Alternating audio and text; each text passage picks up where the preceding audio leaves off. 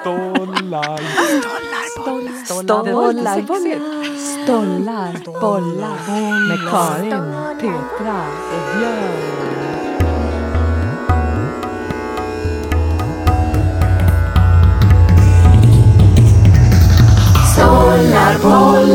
Säsong fyra. Hej Anders! Hej! Anders Seglund är författare, driver Take Publishing, kompositör, pianist. Eh, vad är du mest utav de här sakerna? Vad är det som är närmast hjärtat just nu? Ja, det är en väldigt bra fråga. Jag försöker reda ut det där för mig själv också faktiskt. För det kan vara väl... Om man håller på som jag då med lite olika saker så växlar det över tid och ibland är det en sak som är i fokus. Men, men eh, skrivandet av text, spelandet av musik eh, och eh, förläggandet. Kanske i den ordningen just nu. Det är den ordningen just nu. Ja, eh, och så sen förlagsarbetet är lite sporadiskt. Mm. Att ibland är så här, då tar det allt. Och så sen när det är ett ta- tag, då kan jag skriva mer och så där. Men, men det går lite i perioder kan man säga. Så när du säger att, eh, att skrivandet tar eh, kanske mest plats just nu då blir jag ju såklart eh, nyfiken. Jag måste sticka in en fråga här. Vad är, vad är det för skrivprojekt som du jobbar med nu? Eh, Jag, just nu fortsätter jag. Jag fortsätter skriva om arbete kan man säga. Mm. Och eh, undersöker ju det egentligen. På olika sätt. Ja, Jag har inte nära till att det ska bli något eh, klart. Men just, just i dagarna har jag liksom läst ganska mycket böcker om slaveri. Och eh, jag fick en idé. Det kanske också går ihop med vad jag håller på med med musiken. För där, där tar jag just nu lektioner av en, tonsättare. Och jag var egentligen så här, jag vill ta, utvecklas bara. Och då sa han efter ett tag så jag skickade honom lite eh, skisser och, sådär och så kom han med feedback och så, sen så visade det sig att han bara, nej men vi, vi börjar med book one, page one, grunderna liksom. Durskalan. Eh, kan du alla ackord på durskalan? Eh, hur förhåller sig de till varann? Och så sen har det utvecklats till någon slags harmonilära. Och på något sätt satte det tonen för mig i höst. Där jag då har haft en ganska... Senaste åren har varit ganska intensiva med mycket produktion och högt, högt tempo i att färdigställa olika saker. Och ganska mycket samtidigt sådär. Eh, och nu är jag i, i ett läge där jag vill lite så reflektera och backa tillbaks och kanske också hitta någonting att öva på grunderna med.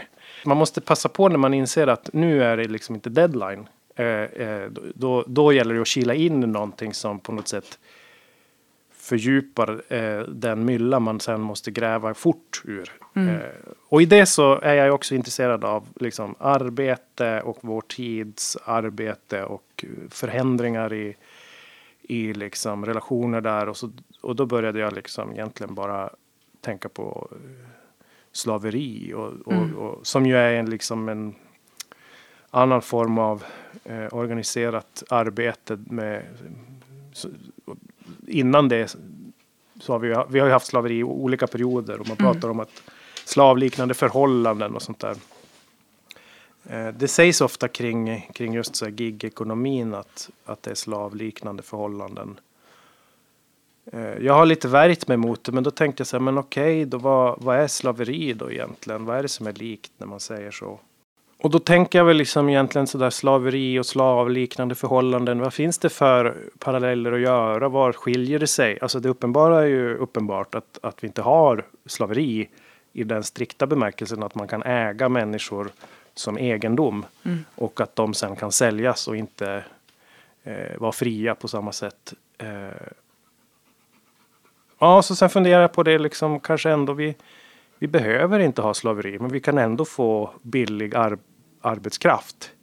Eh, och våld finns fortfarande på en global skala som driver på människor i flykt och sätter människor i utsatthet. Och, och så finns det liksom andra kopplingar kvar sådär. Eh, ja, det här var ett långt svar, men det är egentligen på något sätt så då liksom det här eh, kring skapandet så är det lite, jag är inne i någon slags fas nu av eh, hitta någon eh, grund typ. En grund, en, ja, durskalan, hur ser den ut? Eh, liksom, den, grund, den första ackorden. Eh, och när det rör arbete så vill jag, och relationer vill jag liksom ta reda på någon, någon sån där bas. Det var ju det som gjorde att jag tyckte det var spännande att prata med dig. För att eh, jag fick ju händerna på den här boken Cykelbudet. Mm. Som du skrev om eh, när du jobbade på Fodora. Ja.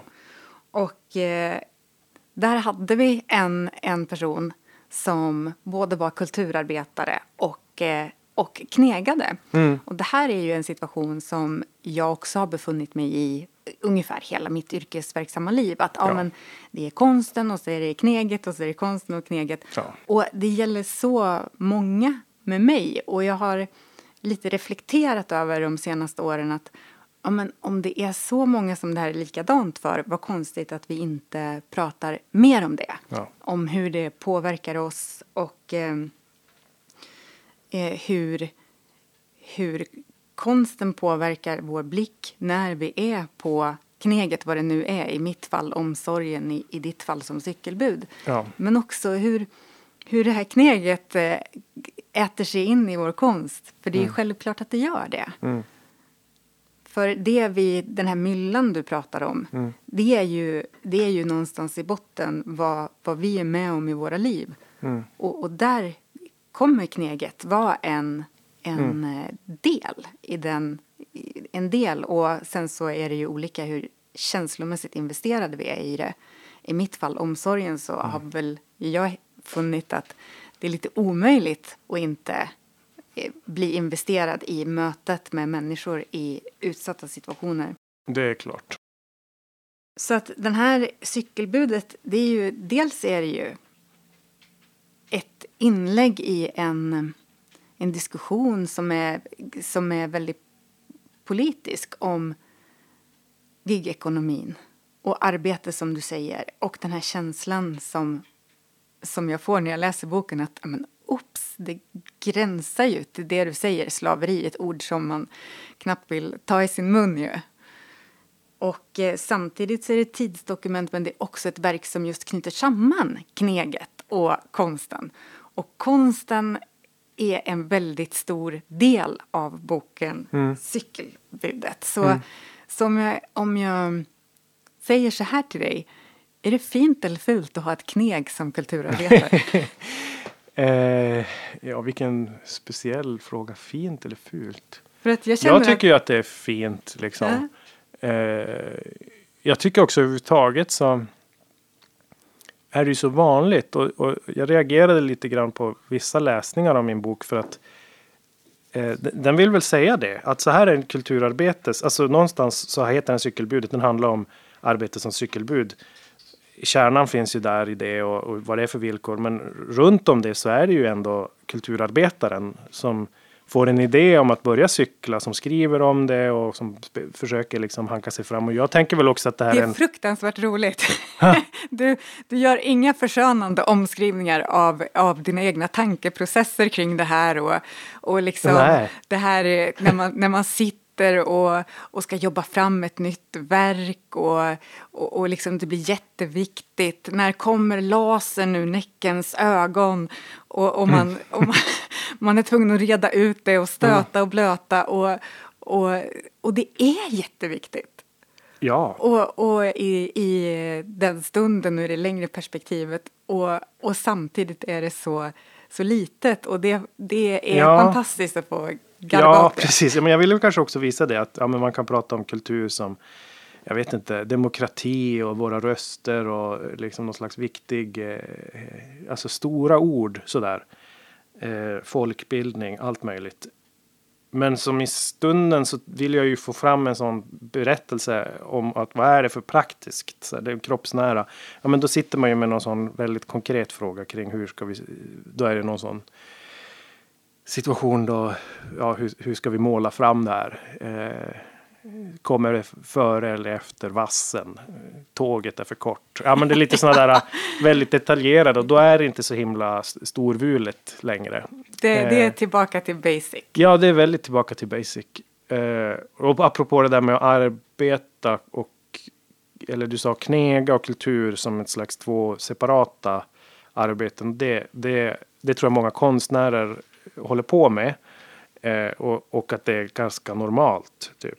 Men det kanske inte är så ofta som man skriver om det prick så, utan då kanske man skriver ett verk som då skulle kunna handla om omsorgsarbete. Men man skriver bort då den del som är också konstnär eller författare i det. Mm. Utan är lite renare, typ eh, exempelvis. Så det här är en bok om då arbetet som omsorgsarbetare eller sådär. Men jag blandar ju liksom och jag tror ju att eh, vissa har väl liksom sett det också som en, jag tänker att det är transparens sådär, att jag vill berätta att jag i mina kulturskaparögon ser någonting här eh, när jag cyklar eh, som jag kan förvalta i en kulturupplevelse eller som litterär text eller som en idé över musiken och sånt där. Eh, men jag tror också att, att vissa kanske tänker så, okej, okay, men vilka följer vi nu här? Är, vi, är han musiker eller är han cykelbud? Typ och liksom.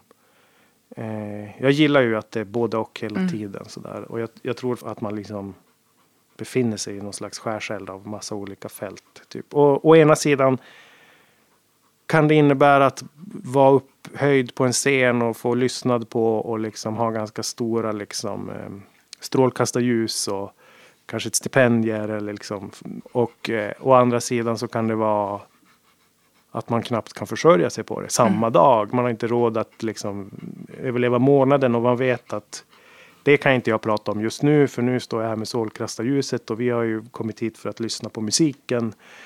Eh, och, men inom en så kanske det ändå pågår någon slags malande där kring de här praktiska frågorna kring vad blir nästa projekt? Vad blir nästa idé? Hur ska vi få det här att gå ihop? Och då är det liksom ganska, då är det ganska praktiskt. Ja, det, det, men det hör ju ihop, precis som du säger, med allt andra. För att det beskriver ju också just den här, det här att hela tiden föda en ny idé.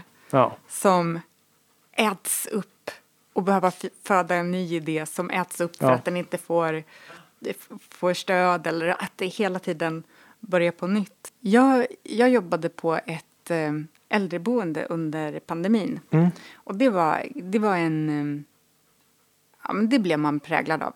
Mm. Och eh, jag har, har skrivit om det sen dess och jobbat ja. med temat omsorg.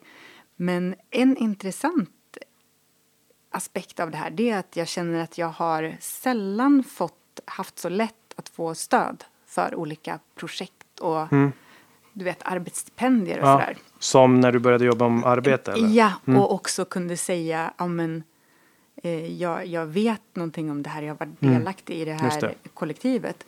Ja. Och det tycker jag är väldigt intressant med tanke på att, eh, att en del tycker att, ja men, det skriver du också om i boken, att, att liksom, det är lite så här, ja men, jobbar du på Fodora, går det inte så bra liksom? Mm, just det, men den har också en samtidigt där den kanske eh, hög aktualitetsfaktor eller så. Så att det också kan få, få jobb som har låg status eller som är slitsamt eller som är liksom sådär som inte är eh, inte att vara dirigent så att säga. Så att det finns ju någon sån eh, vågspel där eller liksom yeah.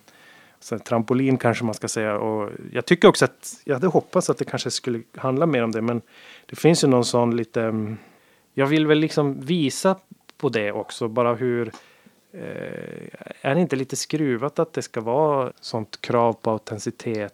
Och varför ska vissa jobb få, eller liksom vissa sådana där, det finns någon sån lockelse i, i eh, utsatthet. Jag tänker väl liksom det som kanske man ska famla efter på lite, lite grova penseldrag är väl kanske just det med att alltså om man tänker kultur, eh, kult, kulturella trender eller liksom genremässigt så är det oftast det finns en lockelse i tragedi, i utsatthet, i marginaler eller de marginaliserade grupperna överhuvudtaget. Att kriser, alltså skilsmässor, övergrepp som barn, alla möjliga vålds, eh, liksom, där det liksom är riktigt eländigt. Eh, och någonstans ibland så kan ju en författare nästan ha ett kapital i att ha varit utsatt för någonting. Alltså eh, krasst sett. Yeah. Så kan det finnas en liksom eh, någonting att jobba med om man, eh, om man ser det så. Så det är intressant att se eh, marginalisering som ett kapital för en kulturarbetare. Och det är ju det konstiga med att vara kulturarbetare. Ja. Fotografen som ser en olycka och plockar fram sin kamera. Just det. Man själv som är i en, i en situation där, där kanske någon bryter ihop och Mm. reptilkonstnären tar över och samtidigt som du är där så ser du också okej.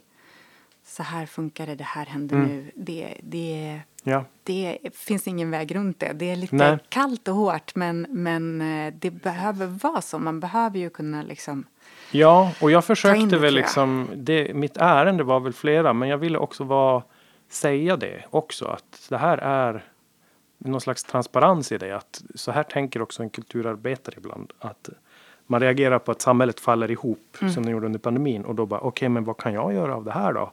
Ja. Alltså som en slags sådär kvickna till och typ så här, okej men vänta nu, nu har allt gått i kras. Eh, liksom, vad, då börjar man fila på någonting.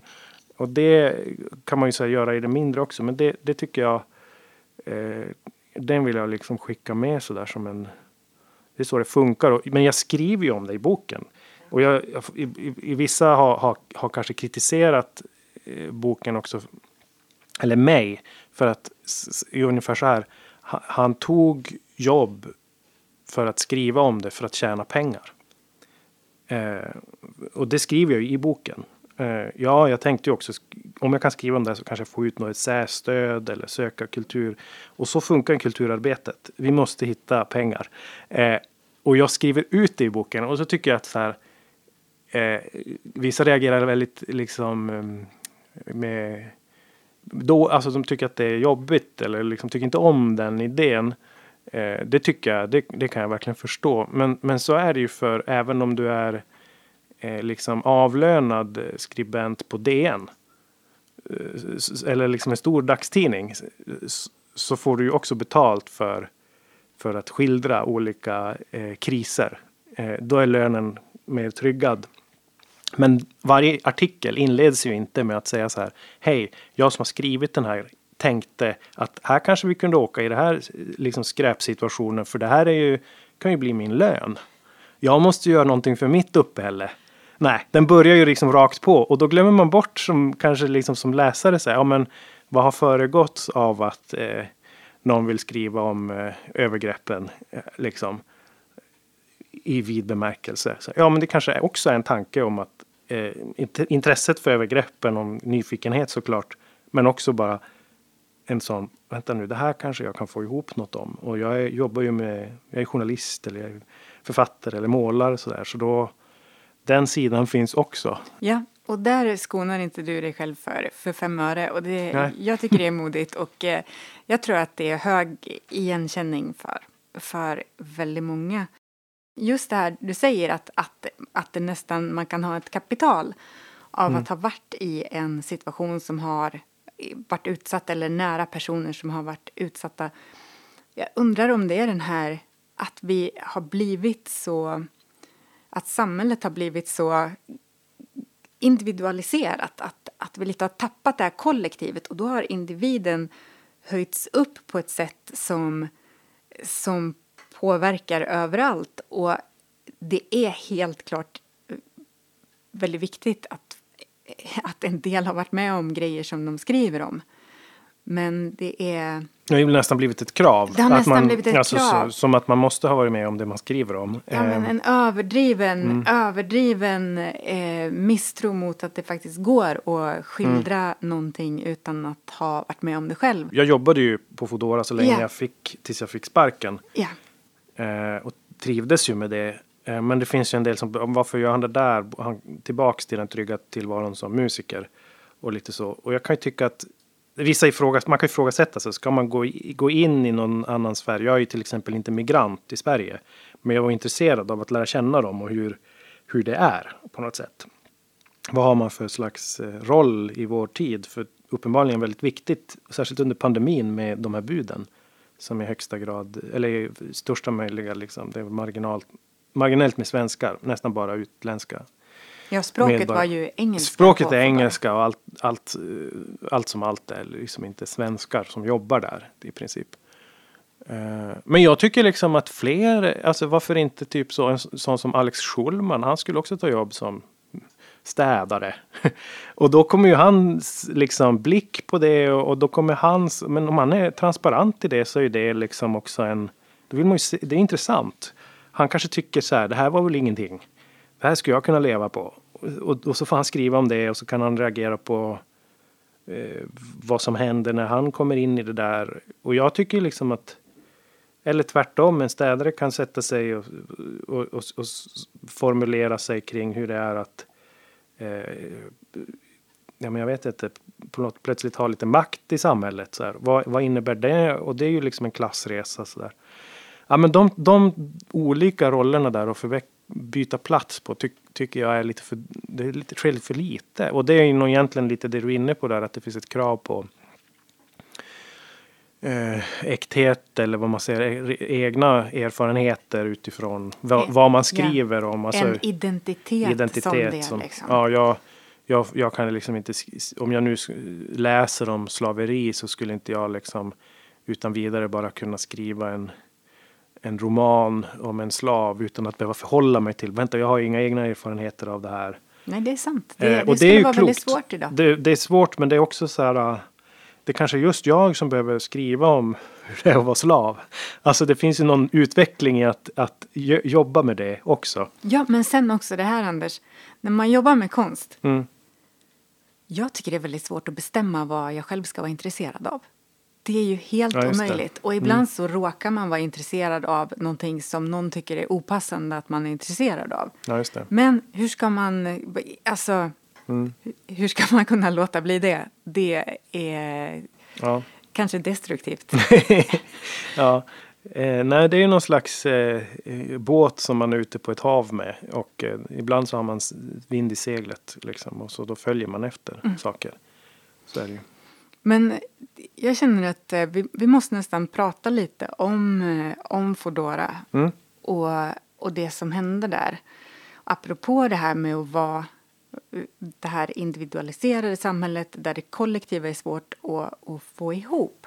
För där var det draget det var draget nästan så långt det går att hålla isär olika individer och hindra dem från att bilda ett kollektiv verkade väl nästan vara något av en hörnsten i organisationen. Har du lust att, att kommentera Ja. det lite grann? Jo, men det, det är så. Alltså, för det första så jobbar man eh, enskilt ute på stan. Det finns ingen fysisk arbetsplats där man möts och tar en fika på det sättet. Man är organiserad i, i liksom chattgrupper där man får sin info kanske men inte introduceras till varandra. Och, eh, så att det är väldigt individuellt var och en ute på sitt liksom, pass sådär. Och eh, på sidan av det så finns, finns det och har funnits många olika liksom um, ska man säga att företaget har motarbetat kollektiva ansatser. Och det kan ju dels vara fackliga eh, och så sen gått med på det. Men, men det kan också vara rent steget innan ett fackligt engagemang är ju att man lär känna dem Ja. på platsen. Alltså, Ja. Man säger så, facket, fackligt arbete börjar i fikarummet. Så. Men vi har inget fikarum. Nej. Men vart börjar det då? Ja, men att man ändå börjar prata. Och det har funnits liksom sådana där chattgrupper då som eh, som ju inte var tänkt som en chattgrupp där man ska samtala, men som har blivit lite sociala och folk börjar ju oundvikligen prata när man har som med varandra att göra.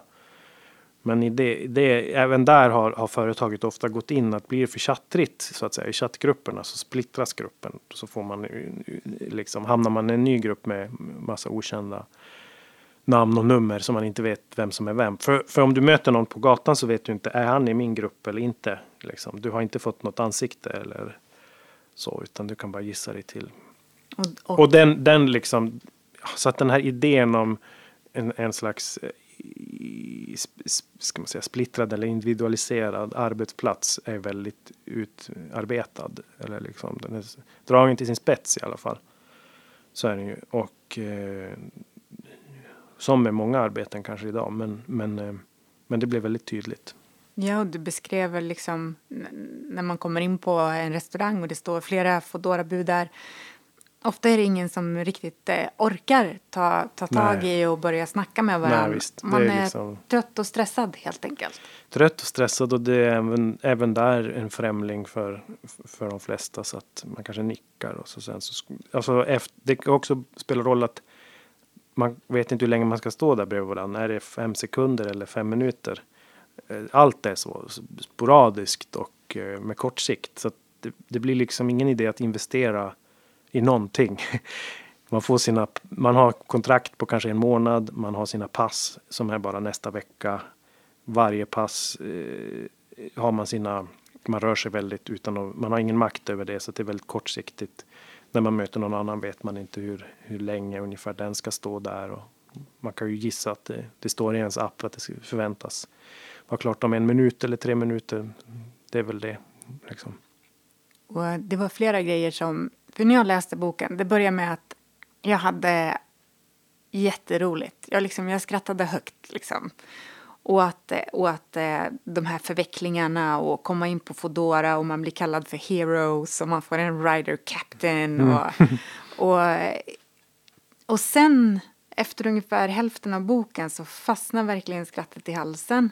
Och det var en helt annan känsla som växte fram som var som startar väldigt mycket när, när eh, du och ett gäng med andra personer som kanske har börjat tidigare än dig också försöker få Fodora att ansluta sig till ett fackligt avtal och det är verkligen det är så mycket hinder på vägen. Mm. Och, eh, och eh, det är dels den här känslan av främlingskap. Varför ska jag engagera mig? Dels är det företaget som sätter käppar i hjulet och man måste smyga så att, eh, så att inte företag ska veta vem det är som är fackligt aktiv. Och en kommentar som, som jag tyckte var, var, var väldigt liksom stark i boken det är när en kollega säger till dig att Anders, du borde göra något för, för det måste vara en svensk som gör det. Nej, det var ju som en, eh, en situation där. Han hade ju tänkt jättemycket på vad som behöver göras mycket liksom långt utarbetade strategier, nästan ett manifest hade han.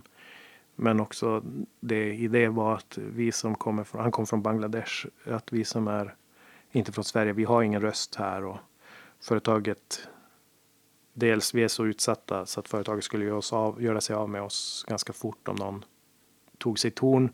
Och samhället i övrigt har vi ingen liksom röst i så att det måste vara en svensk som gör det.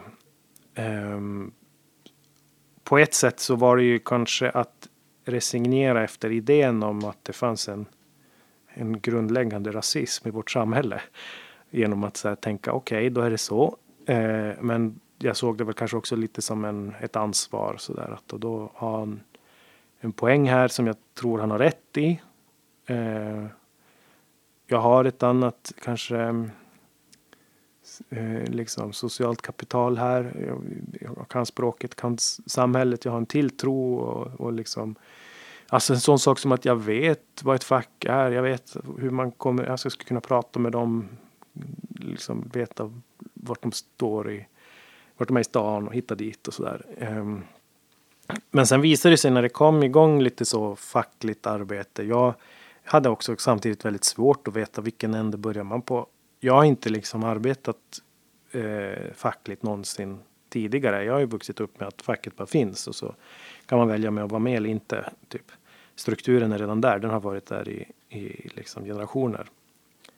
Men här var det inte så, så att det var väldigt svårt att på något sätt hitta vad är första steget. Men efter ett tag så fick jag kontakt med några andra som också höll på att formera en grupp. Eh, och som också hade kontakt med facket och, och liksom ganska initierad liksom arbete. Eh, och, och då var det faktiskt, ska man också säga att även om hans den här tanken om att det måste vara en svensk var vad som också utmanade mig och som det ligger mycket i så var det i den gruppen inga andra svenskar. Så att det var inte helt sant. Men däremot så var de inte helt beroende av jobbet. Alltså Nej. de var studenter, Nej. många är ju högutbildade och de gick ju nästan alla då på någon slags masterprogram eh, och var eh, Erasmus-studenter från olika delar av världen och kanske hade det som en slags eh, så eh, trygghet just nu och då tänkte de att jag kan lägga lite kraft för att förbättra villkoren för de som verkligen är mer beroende av det här. Idag så jobbar inte du på Foodora för att du eh, fick sparken eller du fick inte förlängt kontrakt.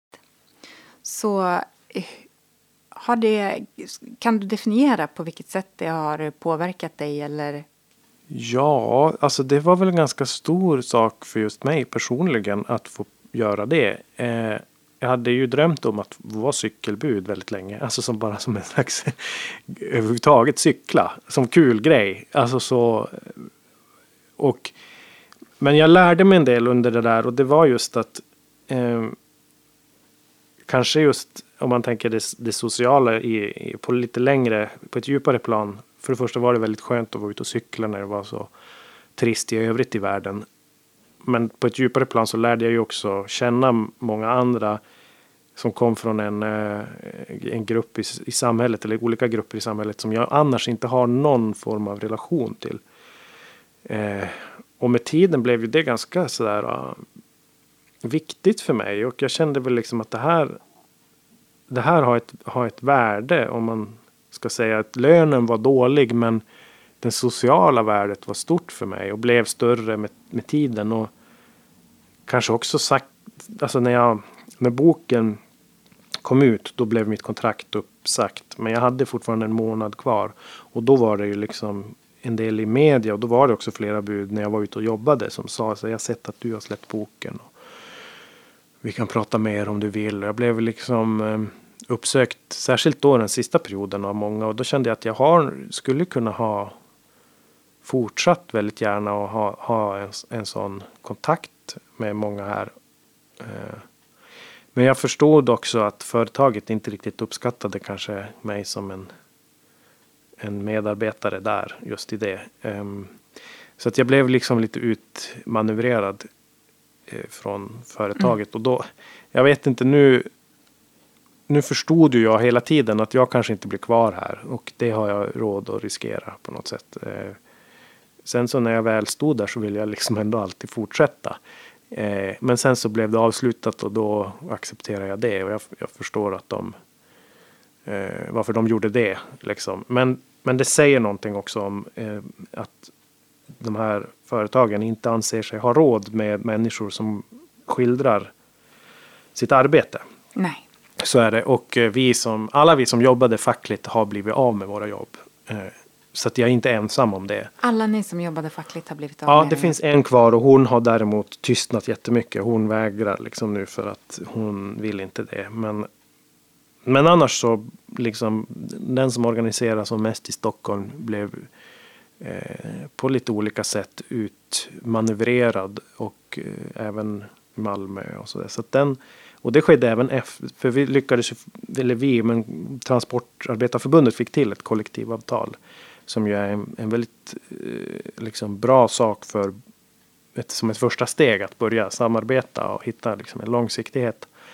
Eh, men det innebar även att vi som hade jobbat med det, vi, vi fick inte vara kvar riktigt. Mm. Eh, Alltså, egentligen tycker jag att det borde vara tvärtom. Att jag, jag blev ju liksom en slags kontaktperson mellan eh, buden här i Göteborg och fackförbundet här i Göteborg. Och kunde också, efter, kanske nästan eftersom jag var svensk, också översätta en del grejer mot facket för hur de vanligtvis jobbar. Och jag bara, nej men det där kommer inte funka, vi måste tänka mer så här och vara lite sådär eh, Eh, en länk typ.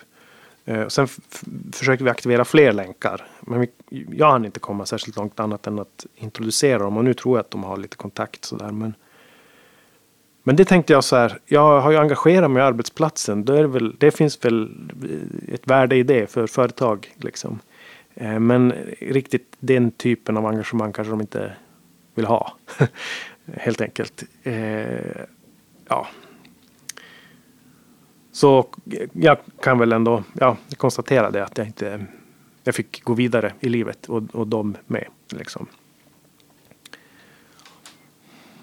Men det säger något om vem som, om man ibland tycker så. Eh, jag antar att vissa kanske tänker så. Åh, är det han som har skrivit, du jobbade på Fodora ett tag. Ska vi höra honom igen prata om hur det är på Fodora? Finns det inga fler?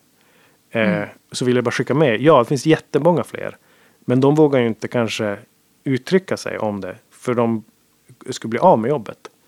Eh, och då kan man ju eh, bara ta med sig det. Att det, det finns där i, liksom, i vågskålen. Ja, precis. Och det är inte klart ännu. Det här är liksom inte Nej. kul. De fick ett kollektivavtal. Nej. Boken slutar lyckligt. Det är Nej, inte så är det ju inte. Så är det ju inte. Är, och jag, liksom. jag, tycker liksom utmaningen är ju nästan hur ska vi få fler att då kunna eh, komma fram med sina röster. Mm. Och det blev svårare och svårare tyckte jag eftersom jag förstod hur utmanande det måste vara för dem. Liksom. Ja. Men det här är ju en, en, eh, som du skriver om också, att den här gig-ekonomin, den är ju verkligen på, på frammarsch. Mm. Och eh, ifall vi inte tittar på den nu, ja. medan den håller på att växa fram, så, så när ska vi göra det liksom? Mm. Du skriver en del om beröringspunkter mellan, mellan konsten och, eh, och arbetet på Fodora. Och, och, och eh, du säger att du har fått en del kritik för att du på något sätt hoppade in i, i Fodora och wallraffade. Jag tycker dock att det finns en jättestark, man känner ju, det är inte bara vilket företag som helst som du hoppar in på utan du har ju en agenda att få cykla också. Ja. Och du blir ju tagen av, eh, av jobbet. Det är inte bara Nej, och jag får ingen lön till skillnad mot för en wallraffande journalist. Så har ju den en liksom, jag vill ju, jag behöver ju, jag behöver ju pengarna här. Så att jag försöker, det är ju också mitt jobb, typ på det sättet. Men det finns en, jag vill inte göra vad som helst. Jag vill ju cykla. Eh, såklart. Ja, och det finns väldigt mycket cykelskildringar från, från Göteborg. Regnet piskar i ansiktet och mm. den, den sköna känslan. Mm. Och jag kan, jag kan känna igen det där att, att i någon period när man är då mycket på kneget så helt plötsligt så är det som att ens engagemang som man har i, i konsten lite grann flyttas över dit. Ja, just det. Och, eh, och plötsligt så, så blir det mer och mer saker viktiga på det jobbet. Ja. Man är fortfarande samma person helt enkelt. Så helt plötsligt så börjar du få massa idéer kring eh, Cyklingen. Kring cyklingen, kring aktiviteter ni kan göra med facket och ja. något, eh, något lopp Eh, ja, men jag tror ju liksom ett tag så blir jag liksom så besatt av det här. Det tar ju upp mig väldigt mycket och eh, jag går in i det väldigt djupt. Ehm, pandemin släcker ju ner allt annat i livet också. Så att det är som det här som finns. Och jag jobbar mer och mer.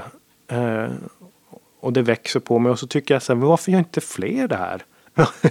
Varför inte liksom, vad håller ni på med alla andra Varför, som inte jobbar som bud? Vet ni hur grymt det är? Det är jättekul. Sådana tankar börjar jag ha. Och bara, vi kan ju, men det finns ett problem. Vi behöver liksom sprida ordet mer och då börjar jag tänka man skulle kanske kunna ha sådana här som det finns ju människor som gillar extrema lopp och, och så men det här är ju extremare än ett vanligt Göteborgsmaraton. Eh, kan man få dem att eh, jobba som bud eller liksom åka ett lopp som är som att vara ett bud och sånt där. Sådana idéer. Och det var ju mycket bara för att jag var liksom upprymd. Sen när boken släpptes då visade det sig att det finns redan sådana. Liksom, det finns ett koncept som är eh, Alley Cat heter det. Där det är något slags liknande eh, koncept. Så det fanns redan och det tycker jag är också kul och det är bra att tänka på kring just idéer. Att man är ju sällan, absolut sällan, eh, ensam om en idé. Den uppstod i mig, jag fick den. Så att den är ju min på ett sätt. Men man behöver inte tänka så mycket på huruvida någon annan har just samma idé, för det är förmodligen så. Det är eh, förmodligen så, ja. Så att, och då, men ibland så kan man ju tänka, hamna i det, att nej, det där har någon redan kommit på, eller vad man ska säga. Men den här uppstod ju i mig så att det blir ju ändå på något sätt ett, eh, en klang av en själv. Och den, den, var viktig för mig och då gör man det. Eh, det det tror jag fler borde liksom kanske vara snälla mot sig själv med. För, för att man, man har så lätt att hitta en kritiker där, där man tänker att idéer i sig måste vara unika. Alltså det måste de ju inte, men eh, för en själv så kanske man hittar andra sätt att använda dem på än någon annan har gjort. Eh, det är det som, som är viktigt.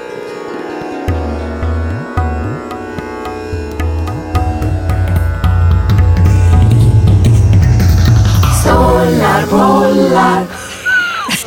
Stålar.